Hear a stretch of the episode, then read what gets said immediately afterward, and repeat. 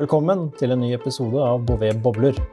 I dag skal vi snakke om et prosjekts erfaringer med bruk av Asher Functions og Asher Kubernetes Service. Hva er forskjellene? Hvordan brukes de?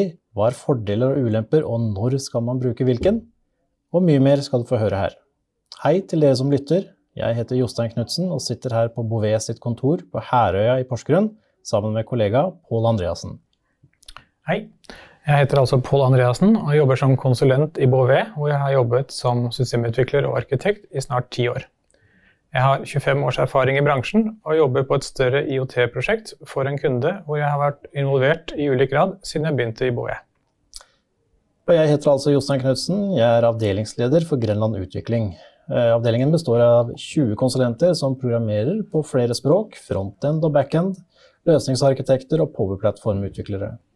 Min formelle bakgrunn er systemutvikler, og jeg har jobbet drøyt 25 år i bransjen, som har tatt meg gjennom ganske mange roller rundt utvikling, design og drift av løsninger. Og jeg har vært i Bouvet i litt over tre år. Som Pål nevnte, så har han jobbet på et lengelevende prosjekt, hvor prosjektteamet har fått mye erfaring med Asher gjennom mange år. Vi vil i denne podkasten snakke om erfaringene Pål og hans team har gjort seg til nå, med vekt på Asher Functions og Asher Kubernetes Service. Vi tar opp denne podkasten i Herøya industripark, så det kan forekomme litt støy rundt oss, men da forstår iallfall dere lyttere hva dette skyldes. Så Pål, kan du fortelle litt om bakgrunnen for temaet vi skal snakke om i dag, altså prosjektet hvor de fleste erfaringene stammer fra? Det kan jeg.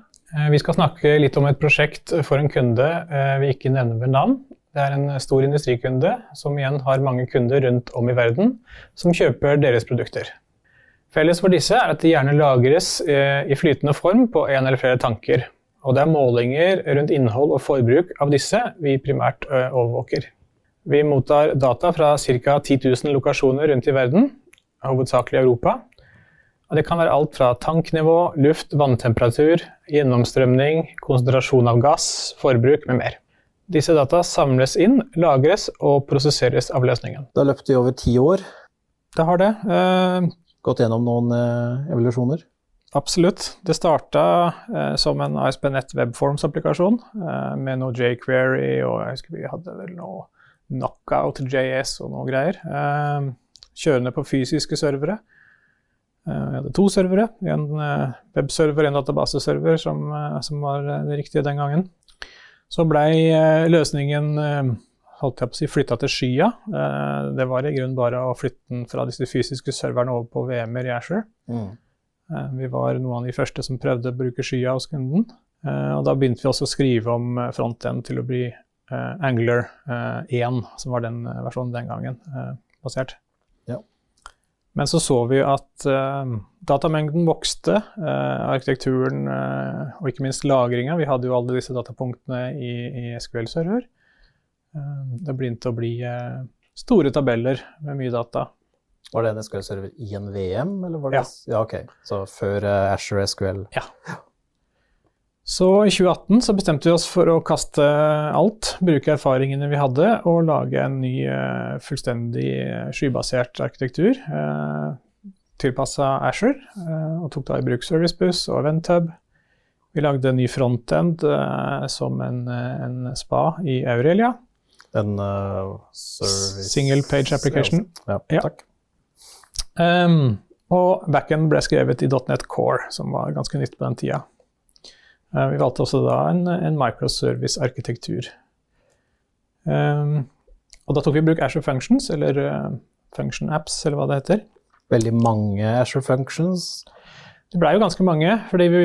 Det blir gjerne det med microservice? Det, det, gjør det. Så vi hadde vel et sånt eh, to dusin eller et eller annet sånt nå eh, mm. den gangen.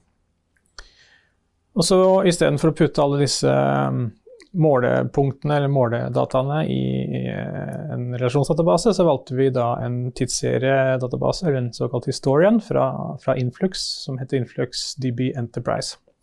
Og den kjører på en VM? Den kjører på fem VM-er. Fem, ja. ja. Intet mindre. Eh, det siste nå er at frontend er i ferd med å skrives om til eh, React, eh, og at vi har flytta alle microservicene fra Asher Functions til Kubernetes. Og med det så begynner vi å nærme oss dagens tema. Ja, det er det vi er her for å høre om. Ja. Så litt om Kubernetes først. Det er mange som kanskje har prøvd Docker eh, på PC-en sin f.eks. Det ligner veldig på hvordan Kubernetes virker. Alt du kjører på Kubernetes, kjøres som isolerte containere, akkurat som de gjør i, i Docker.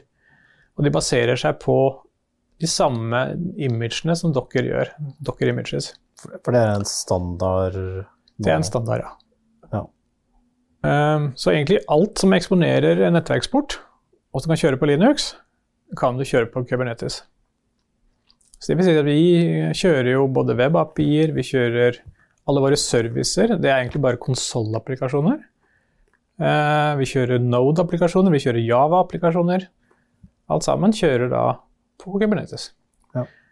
Uh, og det tror jeg kanskje du skulle Du sliter litt med å kjøre alle altså eksempel så bruker vi um, Elasticsearch, uh, satt opp i et cluster på Kubernetes.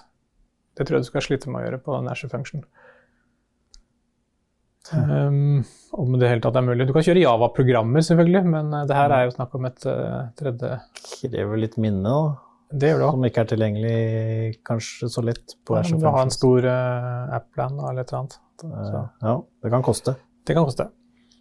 Uh, vi konfigurerer jo uh, Kubernetes enkelt uh, via YAML-filer hva som skal eksponeres for internett, og hva som er for internt. Så det er en av disse veldig fine tingene med Kubernetes, er at du har full kontroll. Så vi har en del servicer som er eksponert utad, og så har vi en del interne servicer som ikke er eksponert utad, men som da er tilgjengelig for de andre servicene igjen. da. Er det en forskjell til eh, Azure Functions, hvor i Azure Functions så trenger du ikke å, eh, å ha noe forhold til det, med mindre du trenger noe, har noen spesifikke behov. Mens i, med Kubernetes så må du konfigurere det enten den ene eller andre veien. Ja. Du må ha et forhold til det. Ja, da må du ta, bestemme deg Så du må, ha- du må kunne litt om infrastruktur. Det må du gjøre. Og det er litt av Altså, ja. Det, det må du gjøre. Um, det som er uh, fint, da, eller ja, en annen ting som er fint med, med Kubernetes, er det med, med Når du eksponerer en tjeneste, så kjører den i det som kalles en pod på Kubernetes. Eh, og den kan du da eksponere via det de kaller en service, som er egentlig en slags lastbalanserer. Sånn at hvis du har flere instanser av en pod, så vil servicen eller lastbalansereren ta seg av rutinga av trafikken. Og den får et DNS-navn på clusteret som er servicenavnet .namespace. Så hvis jeg har lyst til at uh, prod.løsningen skal uh, teste ut uh, en ny user service som går i test, så eneste jeg trenger å gjøre, er å endre URL-en til uh, user-servicen til userservice.test, f.eks Mhm. i konfigurasjonsfilen, dytte til den nye config-filen, og så vil prod begynne å gå mot den nye test-user-servicen. Ja, så du, det, Så du får liksom du kjører test og, og prod på samme cluster, Vi kjører det på samme cluster, men isolert i forskjellig Ja. Ja, riktig. Um, og du kan da på en måte justere hva som skal eksponeres, og, og rutinga internt på hele clusteret. Uh, for å ta bort litt av magien bak Kubernetes, så er jo det egentlig eh, en programvare som kjører på VM-er. Det er Ubuntu Linux som kjører på VM-er, som, eh, som kjører Kubernetes-programvaren på. Eh, men det er ikke noe VM-er du setter opp sjøl, på en måte. Det er det da Microsoft gjør gjennom eh, managed. managed, Ikke sant? ja. Så, så du bare sier at jeg skal ha et cluster på initielt kanskje fem noder. Kan få lov å vokse opp til sju. Og så håndterer de egentlig resten for deg. Det som jeg også liker veldig godt med Kubernetes, er eh, at du kan ganske enkelt få til 100% oppetid. Det er, eh, eller var i hvert fall for oss vanskelig å få til med Asher Functions. Vi så at disse .net-funksjonene hadde en veldig treig oppstartstid eh, den gangen vi brukte de. Sånn at når vi deploya en ny funksjon, så var ikke de tilgjengelige før det var gått liksom et minutt nesten. Eh, og da kan jo brukere oppleve feilmeldinger og, annet uh, uønska. Eh, Kubernetes gjør det sånn at for eksempel hvis du skal oppgradere selve Kubernetes, så oppretter den en ny node i clusteret ditt på den nye versjonen. Flytter over jobbene fra, til den nye. Og da går det sånn at han starter opp en ny en før han stenger ned den forrige. ikke sant? Og så er Ja. det lastbalansering osv., så, videre, så det vil være ingen, ingen nedetid. Så når, når alle pågående prosesser er kjørt, så rutes de neste om til Ja, han, ruter, han fyrer opp en ny en, og så ruter han ja. requestene til den. Og så når det er tomt for requester på den andre, så kan den stenge ned. Og så når han har flytta alt over, så kan han mm. stenge noden. Og så tar den opp en ny node, og så gjør den det.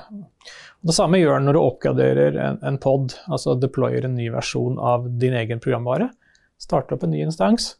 Når den er oppe og går, du kan ha helsesjekker som sier at når, den, når de er grønne, så, de er grønne mm. da kan vi stenge den, den gamle. Ja.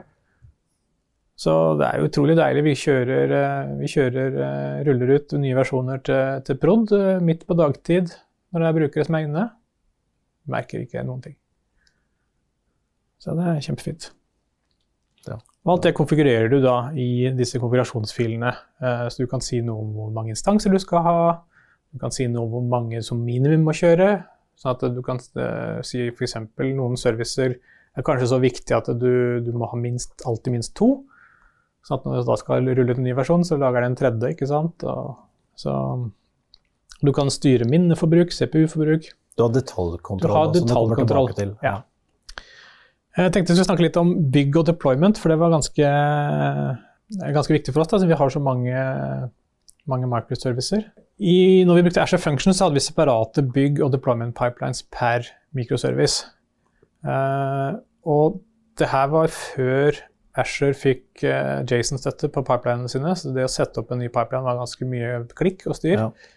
Uh, så det tok jo mye tid å sette opp hver gang vi skulle ha en ny service. så var det fryktelig mye jobb. Og rom for menneskelig feil.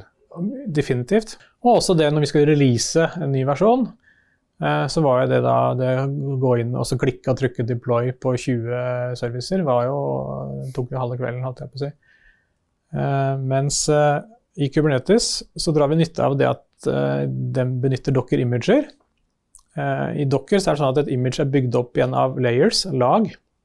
Så docker ser når du, en, når du bygger en container, så vil den se om det er gjort endringer i de forskjellige laga, og kun på en måte bygge de delene ja. som er endra. Og lager en ny hash uh, basert på image, er ikke det riktig? Jo. Uh, imaget får en hash til slutt. Sånn at uh, det fine er at hvis vi bygger en container hvor ingenting er endra, så tar det bare et par sekunder. Hvis vi prøver å deploye et image til Kubernetes hvor hashen ikke er endra, så sier Kubernetes at hei, det er ingen endring. Mm. Gjør ingenting. Ja, ingenting å gjøre. Sånn at vi kan da gjøre, kjøre den enkle strategien bygg alt alltid, mm. deploy alt ja. alltid. Så tar Kubernetes og Så siler. tar Docker og Kubernetes av seg å bare bygge og deploye det som faktisk er endra. Ja. Så det betyr at vi har laga et eget komponent, lite byggskript, som bare går rekkeskift gjennom eh, folderstrukturen til prosjektet vårt. Mm. Finner konteinere, bygger de og deployer de. Flere av de tjenestene ligger alle i samme Git-repo? Vi har valgt monorepo fordi ja. Eh, vi syns det er veldig mye enklere når vi driver og refererer til felles komponenter og endrer på de. Ja. Hvis ikke så måtte du inn med Nuget-pakker og, og, mye styr, og det, ja. det gjør debugging og Men for den, den, måten å deploye på, altså rubbel og bit, mm. så fungerer jo det helt fint. Ja. vi syns det er eh, veldig genialt. Og da betyr det også at det er ingen jobb å lage en ny microservice. Du går inn i Visual Studio, lager et nytt prosjekt, og så har vi en liten tekstfil eh, som du må legge der, som definerer eh, at det her er en service. Eh, og så kjører, har vi har flere Kubernetes-clustere, så i den tekstfila så må du si noe om hvilke cluster den skal gå på, og hva mm. slags type eh, service det her er snakk om. Om det er noe som skal eksponeres eller ikke. Eh, du kan sette hvor mange instanser du vil ha og sånt, hvis du vil det. Hvis ikke så går det på default, som er basert på namespace. Så i essens så definerer du poden, er det riktig? Ja, du definerer egentlig de dataene som trengs for å autogenere dokkerfila, bygge image og deploye det på riktig cluster. Ja. Men ja, det er jo poden, på en måte. Så et eller annet nytt prosjekt, en liten tekstfil, og så trenger du ikke å bygge noe, lage noen ny deployment eller bygge pipeline i det hele tatt. Vakkert. Ja, det syns vi òg. Uh, ja, For å snakke litt om forskjellene da, på Asher Functions og Kubernetes, uh, så er jo hovedfunksjonen til begge deler er jo å uh, hoste funksjoner eller kode som trigges av noe. Om det er på tid eller meldinger eh, eller lignende. Um, og Vi nevnte jo det med at Asher Functions er veldig enkelt å komme i gang med. Uh, og du trenger bare å konsentrere deg om businesslogikken.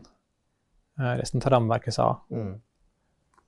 Eh, Kubernetes krever jo, som du var inne på, forståelse for infrastruktur. Jeg tror du trenger et team. Eh, og selv om AKS er managed, og du kan huke av på auto-update som da, da, tar Microsoft og oppdaterer Kubernetes-clusteret ditt av seg sjøl når det er nye versjoner, så er det jo Det hender jo det er breaking changes i Kubernetes òg. Og da vil du oppleve at uh, når de oppgraderer uh, clusteret ditt, så er det enkelte ting som ikke lenger virker. Og det er dumt. Ja. Så vi kjører ikke auto-update av, av clusteret. Uh, som betyr at uh, vi må følge med på, og vi får også varsler av Microsoft, for de har et vindu med, med en tre-fire versjoner av, av uh, Kubernetes som de støtter, som hele tida flytter seg når det kommer nye versjoner. Og de, det vil si at du, dette vinduet i tid, praksis, er, var det ett år? Ja, det var vel noe sånt noe som, eh, som vi så på, som de, de, har versjoner som støtter. Så kan sitte på gjerdet i opptil et år, kanskje, og så må du oppgradere? Men det er, ja, du må ikke heller. Du, eneste som skjer, er vel at du ryker ut av SLA. Ja, men det du, du, vil jo være i hvert fall i denne løsningen, ja. og så vil du gjerne være innafor disse tingene og få oppdateringer og slike ting. Ja. Så det er det jeg mener med må. Eh, men du får vel putre og kjøre videre. Det er ikke da det slutter å virke den dagen, eh, Nei. på en måte. Men, men ja. Men dere venter ikke et år? Vi venter ikke et år, nei. Vi prøver å ligge på, på en måte nest nyeste versjon eller noe sånt. Nå. Vi går aldri til det aller nyeste når det er nytt, nei. men vi venter litt. Grann. Så vi har jo på en måte i det prosjektet så har vi også et, et, et driftsansvar. Så at vi ja, det er en del av driften, det å oppgradere clusteret ved jevne mellomrom. Ja.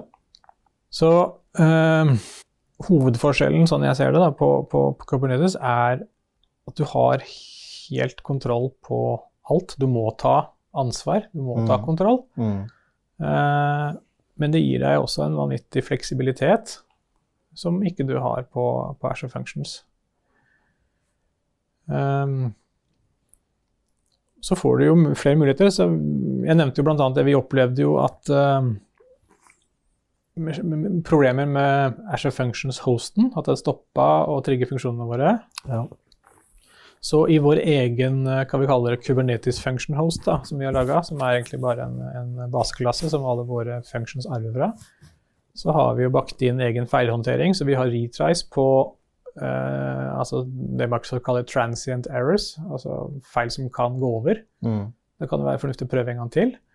Uh, og feil vi vet at uh, her er det noe feil med bug i koden eller et eller annet sånt nå, så er det bare å sende de rett til dead letter, som det heter på ServiceBus, som uh, vi da får varsel. Og så kan vi gå inn og inspisere dataene, korrigere eventuelt, fikse bug eventuelt, og så kan vi resubmitte og kjøre meldinga gjennom systemet på nytt.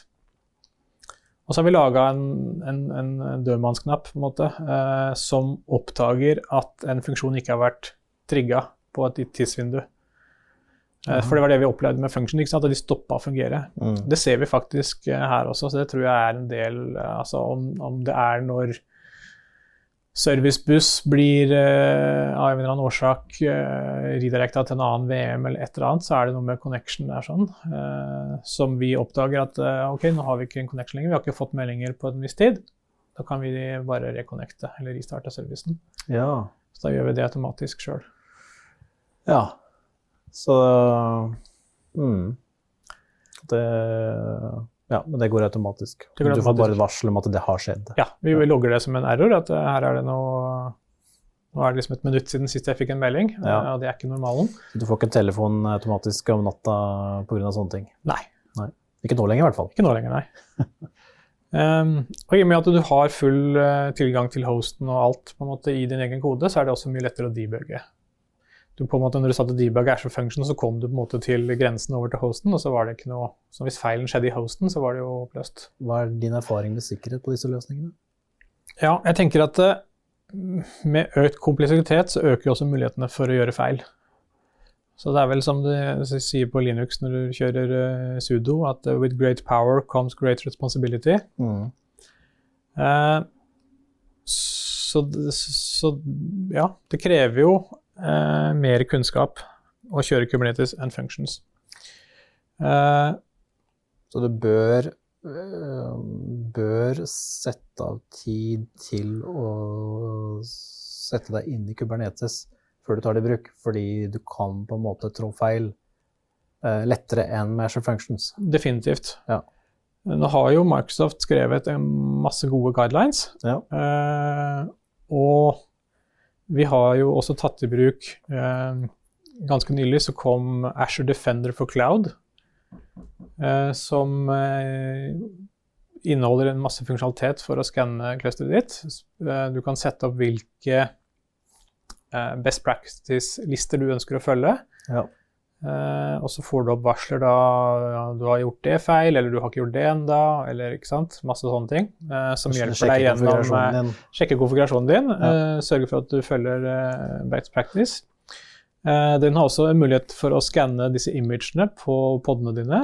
Litt sånn som Snykk gjør når du bygger en pipeline, så kan så Azure Defender eh, sier at eh, hei, jeg ser du kjører en pod som baserer seg på Ubuntu 16.04 et eller annet. Den Ja. er gammel, inneholder kjente sikkerhetsfeil. Ja. Her bør du oppgradere.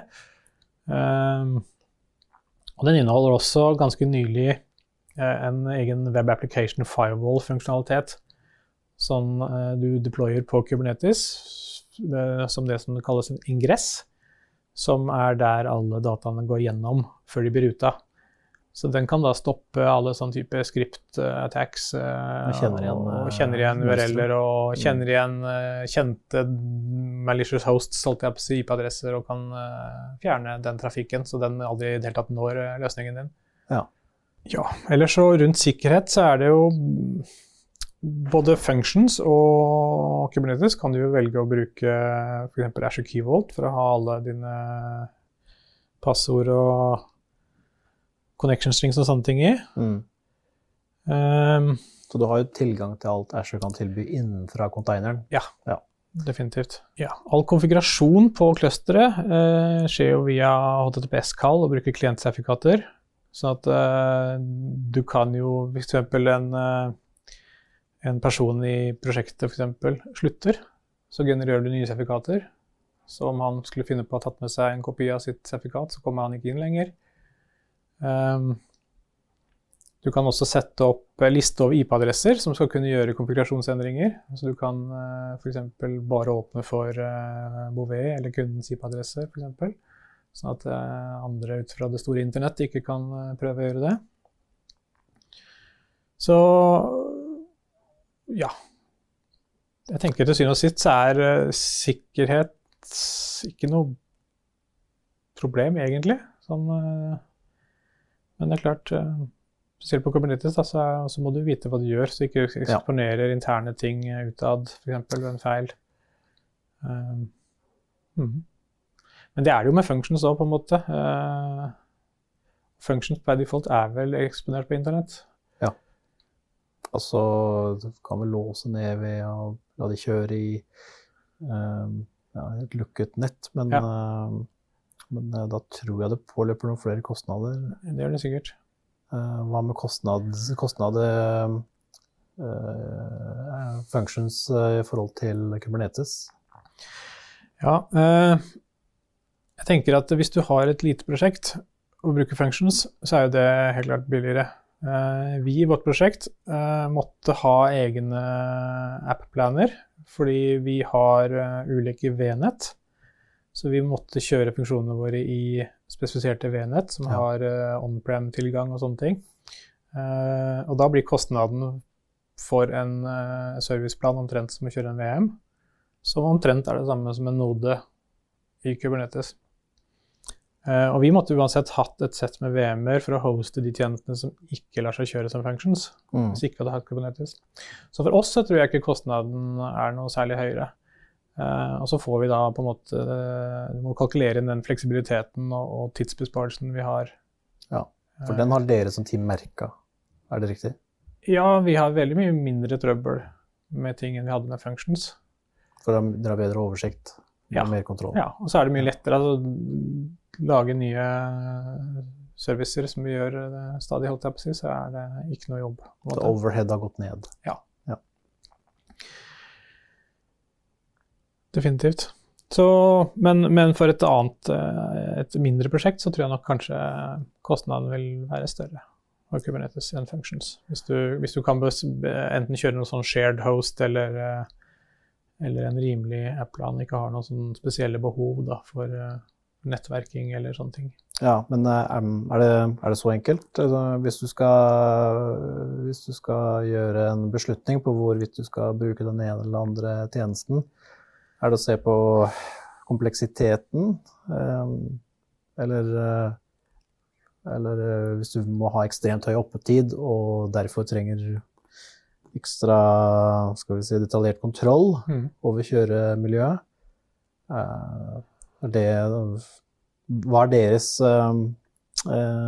erfaring med når man burde velge det ene i forhold til det andre? Nei, alle de tinga du var inne på der, er jo viktig å, å se på. Og så er det jo viktig å tenke på at uh, Kubernetes er ikke noe du bare kan installere, og så kjører det og går. selv om vi sa det, det går jo for et år eller to. men, men, men, Kubernetes krever at du har et team, altså. Du må ha et forvaltningsteam som drifter løsningen. og og clustre. Så jeg ville aldri brukt Kubernetes på et kundeprosjekt hvis det er av den typen at vi gjør noe et års tid, eh, programmerer, utvikler, eh, overlever til kunden og så sier eh, lykke til og ha det. Mm. Men i dag er ikke det noe vi kan gjøre uansett, for alt trenger oppgraderes hele tida og trenger service på prosjektene. Så, så det er et annet tema, for så vidt. Men det er som en bil. Eh, den trenger service regelmessig. Uansett hva vi gjør. Ja, det har jeg også opplevd med, med Asher Functions. Ja. De, de, uh, må De trenger litt tender love and care innimellom der også. Ja, definitivt. Og det er sikkert et, et tema for en annen podkast, det med, med, forvaltning av løsninger. At både kunden som bestiller noe, og vi må påse at de skjønner at eh, de tar på seg nå et ansvar. Det er som å få en, en hund, en valp. Den eh, må, mm. den må ta, pleies i mange år. sånn er det med alle løsningene vi eh, lager i dag, og som legges ut på internett. Hvis ikke så blir de hacka og går i stykker før eller siden. Så hvis, hvis det er noen som skal kjøre lenge og, og har, må skalere bra, har du høye oppdriftskrav og behov for den fleksibiliteten og detaljstyringa du kan få til, og har et team ja. som kan ta det ansvaret, ja. definitivt gå for Kubernetes. Mm. Har du et veldig lite team eller, eh, eller, ingen som har noe forvaltningsansvar, at vi egentlig bare lager løsninger for kunden, og så skal de altså, Mange kunder dessverre tror at skya eh, forvalter seg sjøl, eller det ligger i skya. Da er det ikke vårt ansvar. Ja, altså det, alt, alt, du legger oppi der, kjører for evig? Ja. ja. Det er dessverre ikke sant. ikke sant? Så, sånn er det jo med, med Kubernetes da også. at det, det, må noen ta ansvar for. Så, men eh, det viktigste som du er inne på flere ganger, er at du, du trenger et team. Det, du trenger et team, definitivt. Det er ikke nok med en person, eh, en utvikler, et prosjekt? Eh, Nei, da tror jeg ja, det hadde jeg vært litt bekymra. Ja. Ja. Fordelen er at du, hvis jeg forstår det, hvis jeg oversetter det riktig, er at du kan skalere voldsomt mye med et team på la oss si en håndfull mennesker. Mm. ved å bruke Kubernetes. Definitivt. Du får jo også en enhetlig måte å gjøre det på, kan, som er mye mer fleksibel, hvor du kan hoste på en måte mye mer enn du kan i Functions. Eh, og du får den fleksibiliteten som er uh, uten sidestykke til å, til å gjøre ja, alt du vil, egentlig. Ja. Sånn, eh, som noen bonuspoeng eh, Er det lett å porte konteinerne til en annen plattform? Ja, det er jo en ting at Kubernetes er jo en, en eh, skyagnostisk løsning. Så du får jo Kubernetes i Asher, du får det hos Google, du får det hos Amazon. Du får det overalt. Og alle baserer seg jo på de samme docker-imagene. Så du kan nesten, uten å gjøre noen ting, velge å flytte hvis du trenger det. Ja. Det er, det er, noen kunder som uh, har en IT-strategi hvor, hvor, de skal være skyagnostisk. Ja. Da, da, er, da, har de ikke så mange andre valg enn Kubernetes, kanskje. Nei, da, ikke hvis ikke du skal skrive om noe ja. eh, mellom eh, hver flytting. Ja. Det var mye, mye, erfaringer lagt fram på kort tid. Det var veldig interessant og spennende. Jeg håper de som, har, som lytter på dette, også fant dette veldig interessant og lærerikt. Og hvis ikke de har prøvd allerede, vurder å bruke Kubernetes uh, i nærmeste fremtid. For uh, Kubernetes, det er, det er, fremtiden, er det ikke det, Pål? Jo, jeg tenker det. Det vi, vi, har jo sett at det er noe som finnes hos alle skyleverandørene. Mesteparten av Asher sine tjenester bygger på Kubernetes. og jeg tror at det vil være noe som finnes lenge, som dekker behovet for de som må gjøre mer detaljerte ting eller mer fleksibilitet enn Azure Functions. Og for de som vi, til lytterne som vil prøve ut Azure Kubernetes, er det like greit å bare be dem teste ut Azure Kubernetes eh, hos Microsoft? Lese dokumentasjonen der og prøve seg fram? Definitivt. Det er veldig raskt og enkelt å sette opp et cluster for å teste. For å teste så trenger du kanskje ikke sette deg så detaljert inn i alle, all dokumentasjon. Så definitivt, det er bare å prøve. Greit sted å starte, altså. Og med det så sier jeg tusen takk, Pål. Mm. Takk til Øystein òg. og ha det bra alt til alle lytterne.